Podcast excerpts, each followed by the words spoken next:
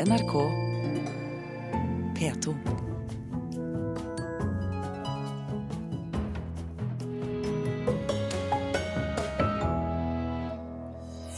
Rekordmange norske filmer deltar på den prestisjetunge Sundance-festivalen i USA. Styrtrikt sveitsisk ektepar redder museum fra pengeproblemer. Etter 50 år blir nå et av Trøndelags mest forhatte hus gjenreist. Og ukjente bilder stilles ut for første gang grunnlovs, på grunnlovsutstilling på Nasjonalgalleriet. Her er Kulturnytt i Nyhetsmorgen med Thomas eh, Alvarstein Ove. Og først skal vi høre at det var en tastefeil som avslørte Aschehougs avgåtte finansdirektør da han skulle overføre penger til egen konto, skriver Dagens Næringsliv.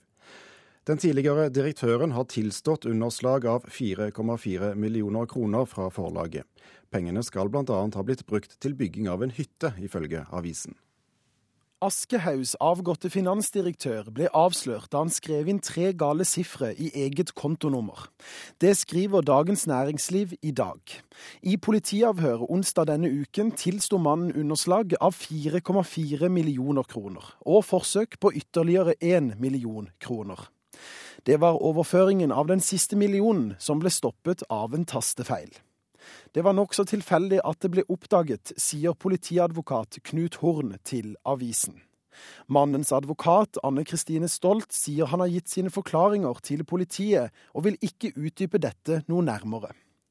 Mannen har nå status som siktet både for underslag og dokumentforfalskning ved to anledninger, ifølge Oslo politidistrikt.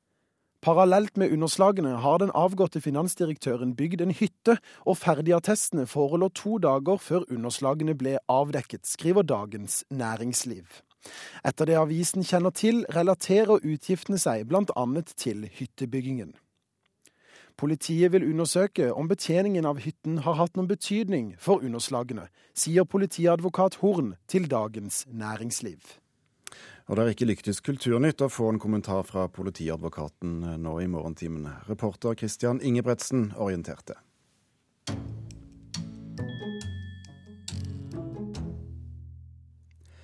Rekordmange norske filmer deltar ved Sundance-festivalen, som starter i dag utenfor Salt Lake City i USA. Festivalen for uavhengig film har blitt arrangert siden 1973, og i år er tre langfilmer, én dokumentar og to kortfilmer plukket ut fra Norge. Jeg gleder meg til å være på festival, drikke champagne og se på film. Sier Gitte Witt, som har ei hovedrolle i Mona Fastvolds 'Søvngjengeren'.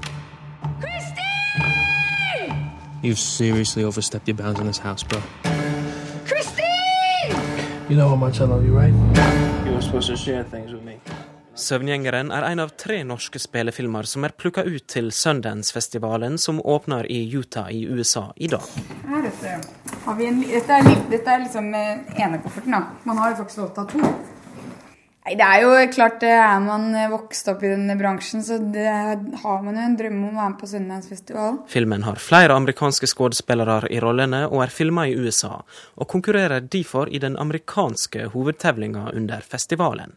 Jeg spiller da Kaja, som bor, lever et ganske fredfylt liv ute på landet sammen med kjæresten din Andrew, som er spilles av Christopher Abbott. Og plutselig en natt så dukker helt uventet søsteren hennes opp. Eh, hvorpå forloveden hennes kommer dagen etter. Da snur alt seg på hodet i det livet de lever der ute gjennom den helgen. Eh, og når den ene forsvinner, så tilspisser det seg da enda mer.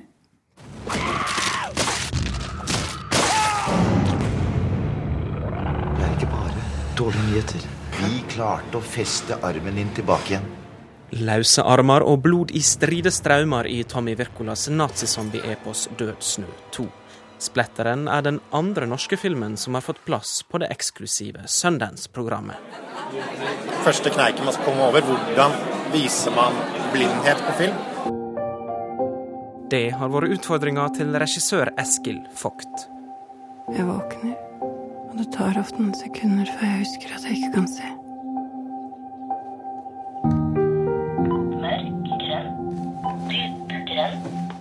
NRK møtte Vogt under presentasjonen av filmvåren 2014 på Filmens hus. Debutfilmen hans 'Blind' er den tredje norske filmen som er plukka ut til å delta under Sundance. Egentlig skulle vi ha premiere i september, så Sundance var egentlig aldri noe vi tenkte på. Men de ville visst gjerne se filmen, og så ble de så glad for den at de inviterte oss allerede i eh, sommer. Og da ble det ble sånn Jøss, dette er jo helt fantastisk. De pleier jo å se mange tusen filmer, og så velger de ut eh, ja, sånn titall, da. Og så ble det sånn at ja, men da da venter vi til og med med den norske premieren, og så drar vi dit først og viser filmen. Ellen Dorrit Petersen spiller Ingrid, som mister synet og isolerer seg i leiligheten sin. Hun føler kanskje det er noen i rommet, så kan hun ikke bare snu seg og se om det er noen der. Hun må liksom leve i den uhyggen av å ikke vite helt. Og den, den følelsen av å være hele tiden litt mer i vold av sin fantasi ble kanskje nøkkelen til filmen og måten å komme over den utfordringen sa til slutt regissør Eskil Fugt. Reportere var Lars Ivar Nordahl og Eirin Venås Sivertsen.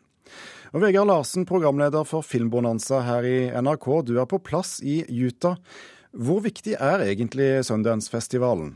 Det sies jo å være USAs viktigste festival. Eh, det er her eh, mange eh, nye filmskapere blir oppdaget. Det det har mange filmskapere slår gjennom for første gang, sånn som eh, Quentin Tarantino ville aldri vært den han er i dag hvis ikke det var for festivalen. Eh, og sånn sett også veldig gøy at det er mye norsk film her i år, og mange norske filmskapere som får prøve seg, og som får øynene rettet mot seg. Ja, Det er tre norske langfilmer som er plukket ut i år. Betyr dette at norsk film er i vinden, eller tror du det er mer tilfeldig? Jeg tror ikke det er tilfeldig. Altså, nå, det jo, nå har det jo vært sånn at det har vært en tendens til at norsk film har fått lov til å være med i Sundance. Uh, vi har gjort det godt her tidligere også. Anne Sewitsky vant jo en pris for bare noen år siden her for, i det internasjonale programmet. Det samme programmet som Eskil Vogt konkurrerer i år med Blind.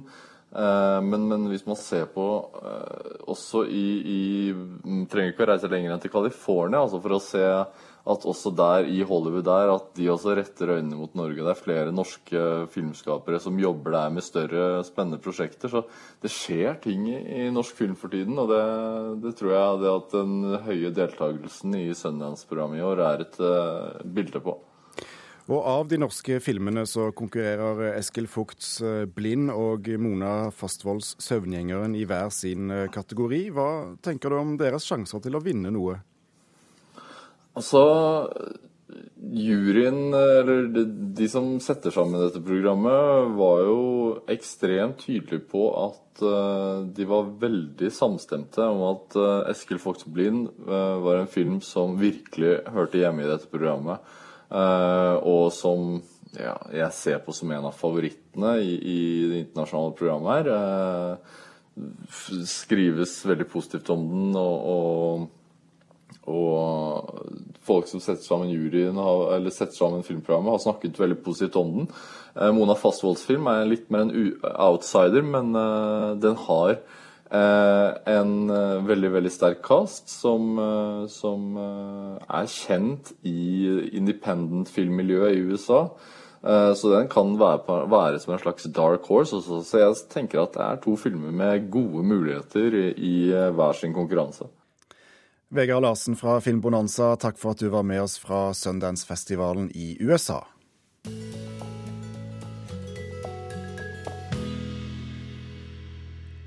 Et av landets største kulturhistoriske museer får nå økonomisk drahjelp av et sveitsisk ektepar til å gjenreise Trondheims mest forhatte hus.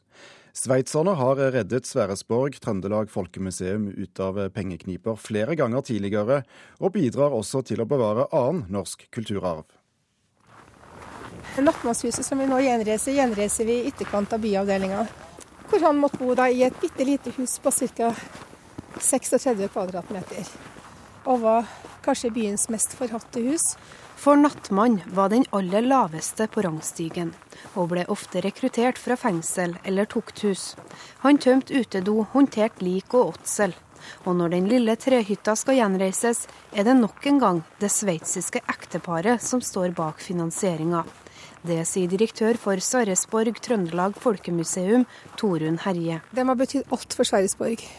Det Sverresborg som vi ser i dag, det, det er et av landets største og mest moderne friluftsmuseer.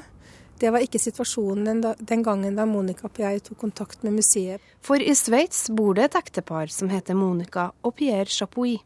De har arva en formidabel pengesekk.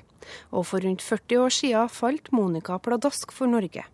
Hun var på ferie med mann og barn i Gudbrandsdalen. Siden da har hun kommet tilbake gang etter gang. Til sammen har de brukt rundt 80 millioner kroner på museet på Sverresborg. Ja, dette begynte egentlig med en artikkel jeg leste i A-magasinet om at Sverresborg museum har store problemer, finansielle problemer. Og jeg tenkte jeg kunne skrive et brev, og så begynte det med, med et brev, og jeg fikk svar. Og vi bestemte oss til, til, å hjelpe. Det sier Monica på telefonlinje fra Sveits. Hun er 80 år, snakker utallige språk og bor på et bo- og aktivitetssenter sammen med sin mann Pierre.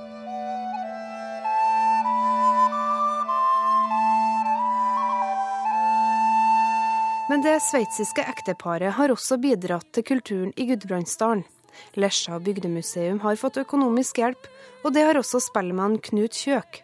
For etter en plateutgivelse med norsk folkemusikk fikk han et brev. Rita trodde oss var bare tull. Trodde ingen som uh, gjorde spetakkel til oss, rett og slett. Så. I brevet sto det at ekteparet Chapuis ønska å betale for neste plateinnspilling. Knut skrev tilbake. Det resulterte i at det sveitsiske ekteparet betalte for neste plate, og plata etter det. Så endte det hele med at Knut fikk et femårsstipend for å skrive bøker om slåtta fra Gudbrandsdalen, som i dag er seks utgitte bøker. Jeg er grenseløst takknemlig for, for den Pierre og særlig Monica har gjort for oss, da, eller for meg. Vi vet at vi er heldige, men samtidig syns vi at uh, det å ha penger, det er også et ansvar og en forpliktelse. Vi, vi må bruke dem for, for andre. Vi, vi, føler egentlig ikke at de er bare våre penger. Det, de er et slags lån som vi må bruke for andre også. På utallige spørsmål om hvorfor Monica bidrar økonomisk til kulturinstitusjoner i Norge, svarer hun det her. Takknemlighet for all det fine og gode jeg, jeg opplever bestandig i Norge. Til sommeren skal Nattmannshuset reises. Og her bodde mannen utafor byen fordi han var uten ære pga. sine arbeidsoppgaver. Så han var utestengt, stigmatisert og, og, hadde et fryktelig liv. Men det er vel kanskje det huset av alle våre hus som har den sterkeste historien i veggene sine. Det sa Torunn Herje, direktør ved Sverresborg Trøndelag Folkemuseum, til reporter Kaja Kristin Næss. Du hører på Nyhetsmorgen i NRK P2 og Alltid nyheter. Dette er de viktigste overskriftene når klokken nå er blitt 16 minutter over åtte. Etter tre måneder i regjering gjør Fremskrittspartiet den dårligste meningsmålingen på åtte år. 400 000 mennesker er drevet på flukt i Sør-Sudan. FN frykter at 10 000 er drept i borgerkrigen. Organisasjonen advarer mot omfattende brudd på menneskerettighetene i landet. Ingen personer er så langt anmeldt for ulovlig fildeling etter at åndsverksloven ble endret i fjor sommer. Leder i Norsk videogramforening, Willy Johansen, sier målet er å blokkere nettjenester som The Pirate Bay. Privatpersoner som deler film og musikk på nett, lever trygt inntil videre. Ja, Det har vel ikke blitt noe farligere enn før, men vi har jo mulighetene nå til å stoppe en del av de ulovlige nedlastningene, eller for å si opplastningene av ulovlig film eller ulovlige produkter. Hva gjør dere konkret nå for å, for å forfølge enkeltpersoner? Eh, veldig lite. Dette er ditt ansvar. Mitt ansvar? Da filmen 'Pioner' hadde premiere i fjor, var den tilgjengelig via nettjenesten The Pirate Bay samme dag. Men de som lastet opp filmen på internett, lever fremdeles trygt, selv om loven ble strammet inn i juli 2013. Vi tror vel ikke at den totale nedlastingen av film har blitt noe mindre. Vi tror eller at den har økt. Men inntil videre så lever de trygt, altså de som har uh, lasta opp Pioner? Ja. Er ikke det litt dumt, da? Jo, det er veldig dumt. Men dette har jo si med kapasitet. Dette er et veldig dyrt arbeid. Eh, det koster ekstremt mye penger. Det er snakk om mange millioner eh, hvor vi er nødt til å betale for at vi skal følge opp dette arbeidet. Fjorårets lovendring gjør det også enklere å blokkere nettsteder som bidrar til ulovligheter. En allianse av rettighetshavere med Willy Johansen i spissen vil nå gå rettens vei for å blokkere tilgangen til The Pirate Bay. Første rettslige skritt er rett rundt hjørnet. Eh, det kommer til å bli en rettssak. Den nye åndsverksloven den eh, sier at så lenge vi kan dokumentere at det er et ulovlig innhold, så er det nok for å få blokkert siden. Er det andre sider enn Pirate Bay dere ønsker å, i nær fremtid å prøve å blokkere? Ja, mange. Jeg kommer til å fortsette å bryte åndsverksloven. Sier leder i piratpartiet Øystein Jacobsen. Han mener åndsverkloven er i strid med ytringsfriheten, fordi den begrenser hva slags informasjon du og jeg kan dele med hverandre. Det er jo sensur. Eh, hvis Pirate Bay blir stengt, eh, hva slags alternativer finnes det? Altså, Alternativene står på, står på rekke og rad. Du kan egentlig gå og bare søke etter torrent site, så får du liste over de 100 toppen. Jacobsen skulle helst sett at Johansen og de andre rettighetshaverne gikk etter enkeltpersoner, nettopp for å synliggjøre lovens mangler. Hadde de gått etter 100 000 eller 1 million nordmenn eh, i slengen, så hadde det kanskje blitt synlig akkurat uh, at dette er et demokratisk problem. Dette er noe som folk ser som helt vanlig, og uh, man skal ikke kriminalisere helt vanlig atferd. Det kan bli mange runder i rettsapparatet i årene som kommer, sier Willy Johansen i Norsk Videogramforening. Nei, Det vi prøver først å gjøre nå, det er jo å, å, stoppe alle ulovlige sider. For å se hvilken effekt det får i markedet. Vi har jo sett fra Finland og Danmark, som er de nærmeste naboene våre, som har stoppet bl.a. Pirate Bay, at det har vært en nedgang på hele 70% av ulovlige sider og ulovlig nedlastning etter at bare Pirate Bay har blitt stoppet. Reporter i denne saken var Line Tomter.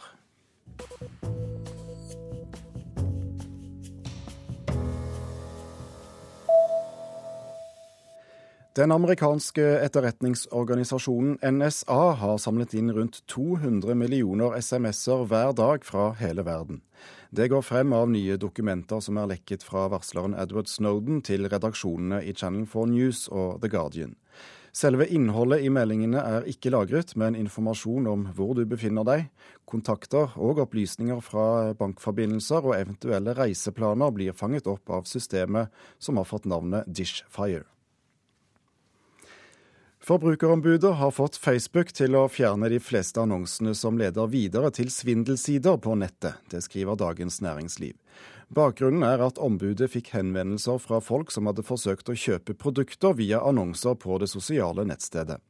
Vi setter pris på samarbeidet med det norske forbrukerombudet, sier policysjef for eh, Facebook i Norden. I april slutter også Facebook med sponsede innlegg i nyhetsstrømmen til brukerne. Og tyver har tatt seg inn i Hjartdal kirke i Telemark og stjålet kirkesølv og kollektpenger. Det er usikkert når innbruddet skjedde. Det er bare to døgn siden en safe med verdifullt kirkesølv ble stjålet fra Vinje kirke, også det i Telemark. Denne safen er allerede funnet.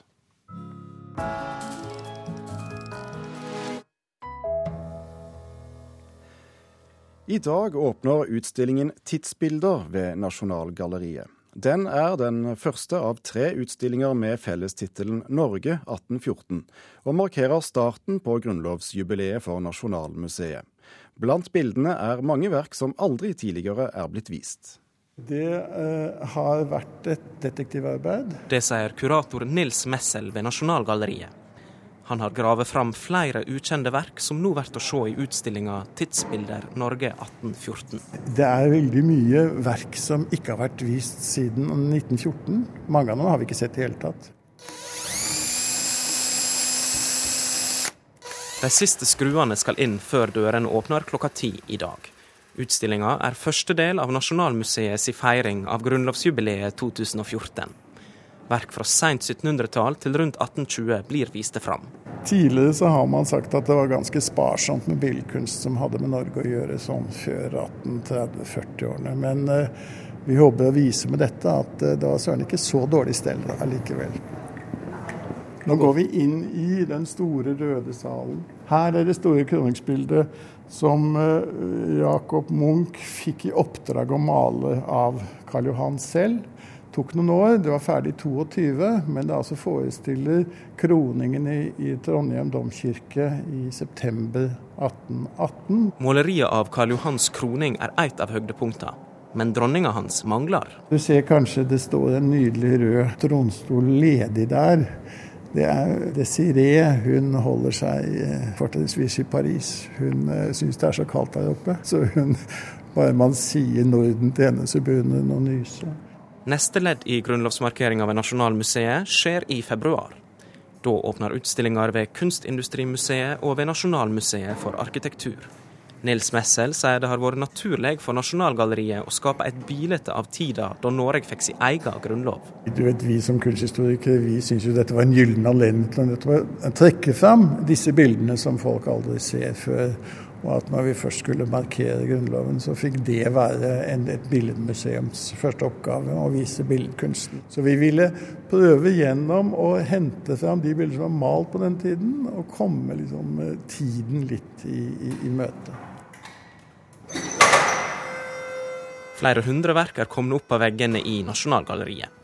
Men utstillinga viser tydelig at dåtida sine kunstnere virker internasjonalt. Bildene som sådan må man jo si ligger nærmere dansk og nordtysk kunst. Altså Vi maler ikke spesielt norsk i Norge.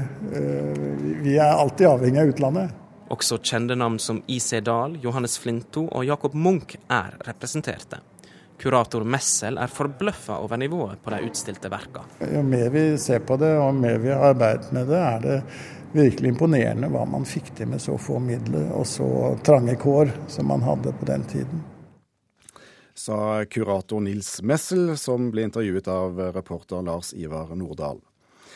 Mona Palle Bjerke, kunstkritiker her i NRK. Du har allerede vært og sett tidsbilder. Hva slags utstilling er dette?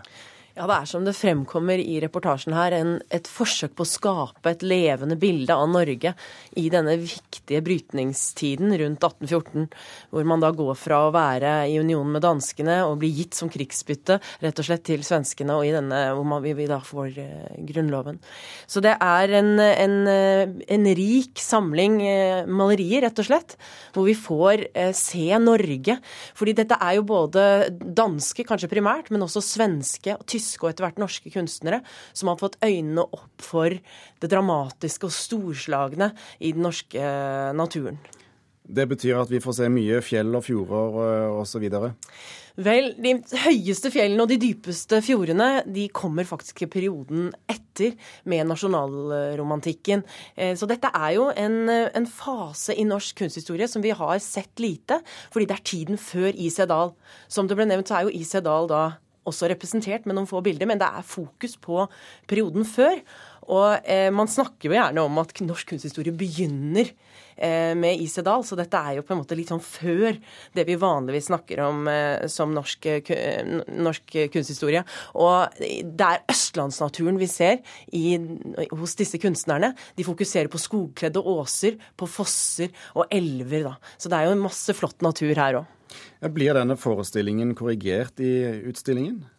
Nei, snarere tvert imot, vil jeg si. Eh, det er eh, fremdeles sånn at Ise Dahl er vår eh, første profesjonelle billedkunstner og startpunktet for den norske kunsthistorien, men første på et internasjonalt nivå. For det er en vekslende kvalitet på det som vises her, det må bare medgis. Eh, det er De færreste av disse kunstnerne rekker i Sedal til knærne. Men det er noen eh, flotte navn. altså Johannes Flinto er en viktig kunstner som er en viktig forgjenger for nasjonalromantikken. Og Jacob Munch er jo også en veldig god portrettmaler og har jo klare kvaliteter. Så det er mye morsomt å se. Men man må vel si som helhet at kanskje utstillingen har en enda større kulturhistorisk interesse enn egentlig kunsthistorisk. Ja, for hva, hva kan en eh, kulturhistorisk interessert betrakter kose seg med på den utstillingen? Det er veldig mye. Hvis man f.eks. er opptatt av byutvikling, så er det veldig gøy med Jacob Munchs eh, jo ikke helt ukjente bilde 'Utsikt mot Kristiania', eh, hvor, hvor, man som betrakter står litt oppi åsen litt sør for Galgeberg og ser utover Kristiania da på andre siden av Viken. Og her er det morsomt, for det er veldig lav og beskjeden bebyggelse. Og så er det de bygningene som rager i landskapet. Det er jo bygninger som i dag ikke er spesielt ruvende, som Ladegårdsanlegget og Oslo Hospital kirke. Og selvfølgelig Domkirken og Akershus festning, som fremdeles er eh, store, flotte bygg. Da. Det, og det er jo morsomt å se også at under disse slettene som Jacob Munch maler, så vet vi at her gravde man ut middelalderens Oslo eh, noe senere. Så for eh, by, eh, opptatt av byutvikling og Oslo, så er det jo veldig morsomt med et bilde som det, f.eks. Er det flere ting du vil uh, utheve?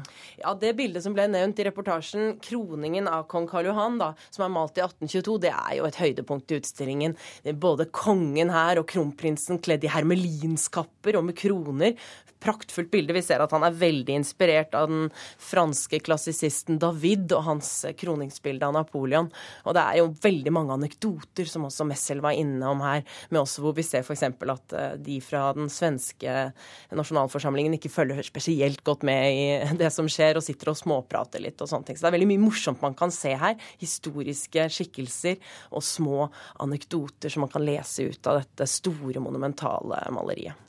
Har det blitt en god eh, markering av grunnlovsjubileet? Ja, jeg syns det setter en, eh, i gang med en bra start med denne utstillingen, som jo har en veldig, veldig stor kulturhistorisk interesse, og veldig morsom for folk som er interessert i historie. Mona Palle Bjerke, kunstkritiker her i NRK, tusen takk skal du ha. For nå er Kulturnytt uh, over. Du har hørt at en uh, tastefeil avslørte Aschehougs avgåtte finansdirektør, som nå har innrømmet underslag av 4,4 millioner kroner. Vidar Sem, Hanne Lunås og Thomas Alvarstein Ove har laget denne sendingen. Takk for nå.